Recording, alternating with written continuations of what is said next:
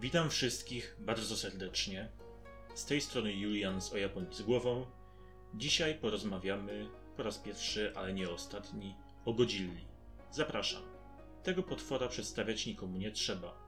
Kolejne produkcje o zmutowanym radioaktywnym dinozaurze zdobyły ogromną popularność zarówno w Japonii, jak i na całym świecie. W Polsce w kinach emitowane były już bodajże w latach 70. czy 80. Do niedawna całkiem często można było znaleźć je w ramówkach polskich stacji telewizyjnych, w tym TVP. Są bez dwóch zdań najbardziej popularnym przedstawicielem japońskich filmów kaiju, czyli obrazów opowiadających o zazwyczaj olbrzymich potworach. Kojarzone są zazwyczaj z dość niezobowiązującą, lekką, nieco kiczowatą rozrywką, ale wiem, że wielu z Was zupełnie by się tego nie spodziewało, mimo że w zasadzie są to filmy o kilku facetach, którzy tłuką się w dziwnych gumowych kostiumach na tle kiczowatej makiety Tokio. Filmy o Godzilli często kojarzone były z dość trafnymi komentarzami na temat polityki, społeczeństwa czy lęków obecnych we współczesnej Japonii. A wszystko zaczęło się od filmu, który po prostu jest bardzo dobrym dramatem. Godzilla, czy też Godzilla, film z 1954 w reżyserii Ishiro Hondy, wieloletniego współpracownika Akira Kurosawy, Pierwotnie opowiadać miał o potworze nieco podobnym do mitycznego Krakena. Ostatecznie zainspirowani amerykańskim filmem Bestia z 20 tysięcy sążni morskich, twórcy zdecydowali się na olbrzymiego dinozaura. Potwór pojawia się w dość niewielkim wycinku filmu. Główny nacisk położony jest na reakcję władz na zupełnie niespodziewaną sytuację, poszukiwanie rozwiązania tego kryzysu, ukazanie dramatów i zniszczeń, które Godzilla niesie za sobą. Jest też bardzo fajny motyw połączenia Godzilli z fikcyjnym bóstwem czczonym przez mieszkańców wyspy Oda, również fikcyjnej, oraz scena przebłagalnego rytuału shintoistycznego. Całość pomyślana jest, jakby to powiedzieć, jako koszmar społeczeństwa, które jako jedyne na świecie doświadczyło wojny nuklearnej. Potwór uosabia grozę, zniszczenie, tę wręcz boską siłę, jaką niosą bomby atomowe. Ostatecznie okazuje się zresztą, że jedynym sposobem, by pozbyć się bestii, było skonstruowanie jeszcze straszniejszej niż broń jądrowa, nowej broni, tak zwanego niszczyciela tlenu, ale już więcej nie spoileruję.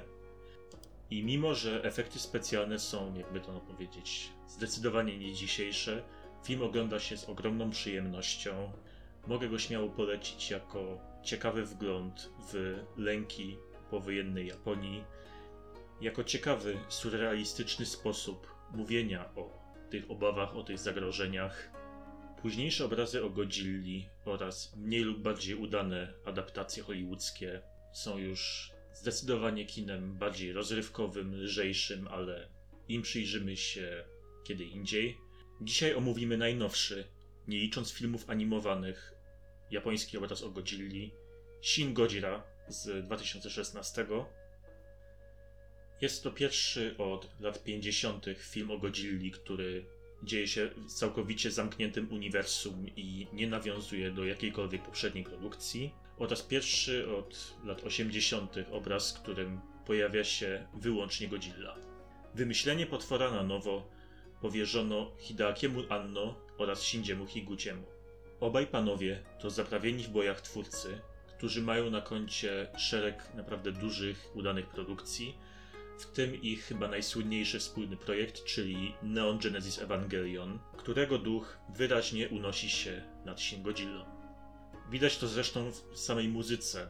Niektóre utwory z Ewangeliona zostały wykorzystane również w tym obrazie, ale przede wszystkim w koncepcji. Tak samo jak Ewangelion przy okazji opowieści o pilotach ogromnych mechów, którzy tłukli się z równie ogromnymi kosmitami, przekazywał nam wielowymiarową historię o ludzkiej psychice, tak samo Shin Godzilla opowiada nam o nie tyle ogromnym potworze, który sieje ogromne zniszczenie, co o lękach i obawach powszechnych w społeczeństwie japońskim i w inteligentny sposób satyryzuje biurokrację i sytuację polityczną współczesnej Japonii. Shin Godzilla, czyli w zależności od znaku kanji, który wybierzemy, albo boski, albo nowy Godzilla, przypomina nam już nie tyle mieszkańca Parku Jurajskiego, co bestię z koszmarów. Bestię, która ciągle się zmienia, która po każdej próbie ataku nieco zmienia swoją formę i uodpadnia się na okoliczności, w których się znalazła. Jest bardzo udaną metaforą reakcji łańcuchowej, w której jedna katastrofa doprowadza do kolejnej. Widać zresztą wyraźne odwołania wizualne do kryzysu w Fukushimie, w którym to trzęsienie ziemi pociągnęło za sobą tsunami oraz zniszczenie elektrowni atomowej i skażenie olbrzymich terenów. Lwią część filmu stanowi wątek ludzki, podany nam w formie dramatu politycznego wzbogaconego elementami paradokumentu. Pokazane są zmagania japońskich sił samoobrony oraz japońskiego rządu z tym niespodziewanym kryzysem, może biurokracji, przez które jakiekolwiek decyzje są opóźniane, ludzi u władzy, którzy mają ręce związane tonami przepisów, biurokracji, hierarchii. Moją ulubioną sceną filmu jest chyba ta, w której urzędnicy siedzą i analizują prawo dotyczące japońskich sił samoobrony, by upewnić się, czy na pewno będzie możliwość legalnie wydać rozkaz strzelania do Godzilli. Złoto. Dużą rolę odgrywa również wątek polityczny, który pokazuje mieszanie się innych państw w kryzys związany z Godzillą i dość jednoznacznie pokazuje Japonię jako to państwo, które musi ulec sojusznikom w regionie, a w niektórych scenach otwarcie niektórzy bohaterowie podkreślają, że Japonia jest poniekąd do dzisiaj państwem wasalnym Stanów Zjednoczonych. Jak można się domyśleć, te sceny wywołały trochę kontrowersji. Jedni wypowiadali się o nich bardzo pozytywnie, inni mówili, że na siłę wpisują się w retorykę japońskich środowisk konserwatywnych i nacjonalistycznych i przedstawiają całą sprawę jednowymiarowo, ale ogólny wydźwięk filmu jest dość pozytywny. Mimo licznych przeciwności, Japonii udaje się zjednoczyć i stawić czoła temu olbrzymiemu zagrożeniu. Perspektywy lepszego przygotowania się na podobne incydenty w przyszłości, czy odbudowanie tego, co zostało zniszczone przez Godzillę, są pokazane jako jak najbardziej optymistyczne.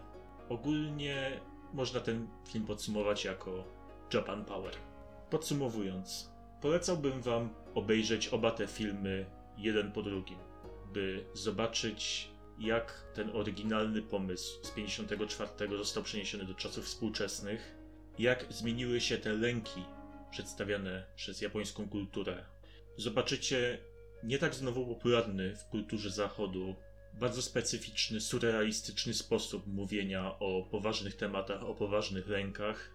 I nie ukrywam, miło było po tych latach bardziej rozrywkowej, bardziej tej oglądanej dla czystego fanu wersji Godzilli, zobaczyć film, który bardziej stara się nam coś przekazać, bardziej odtwarza tego ducha oryginalnego filmu Hondy. Po prostu polecam. I dziękuję za uwagę. Będę wdzięczny za wszelką konstruktywną krytykę. Kolejny materiał poświęcony sferom Soto i Uchi w życiu codziennym Japończyków będzie dopiero w styczniu. I korzystając z okazji, chciałbym wszystkim życzyć jak najlepszego, pełnego pozytywnych wrażeń, spokojniejszego niż ten 2021. Trzymajcie się i do usłyszenia. Cześć!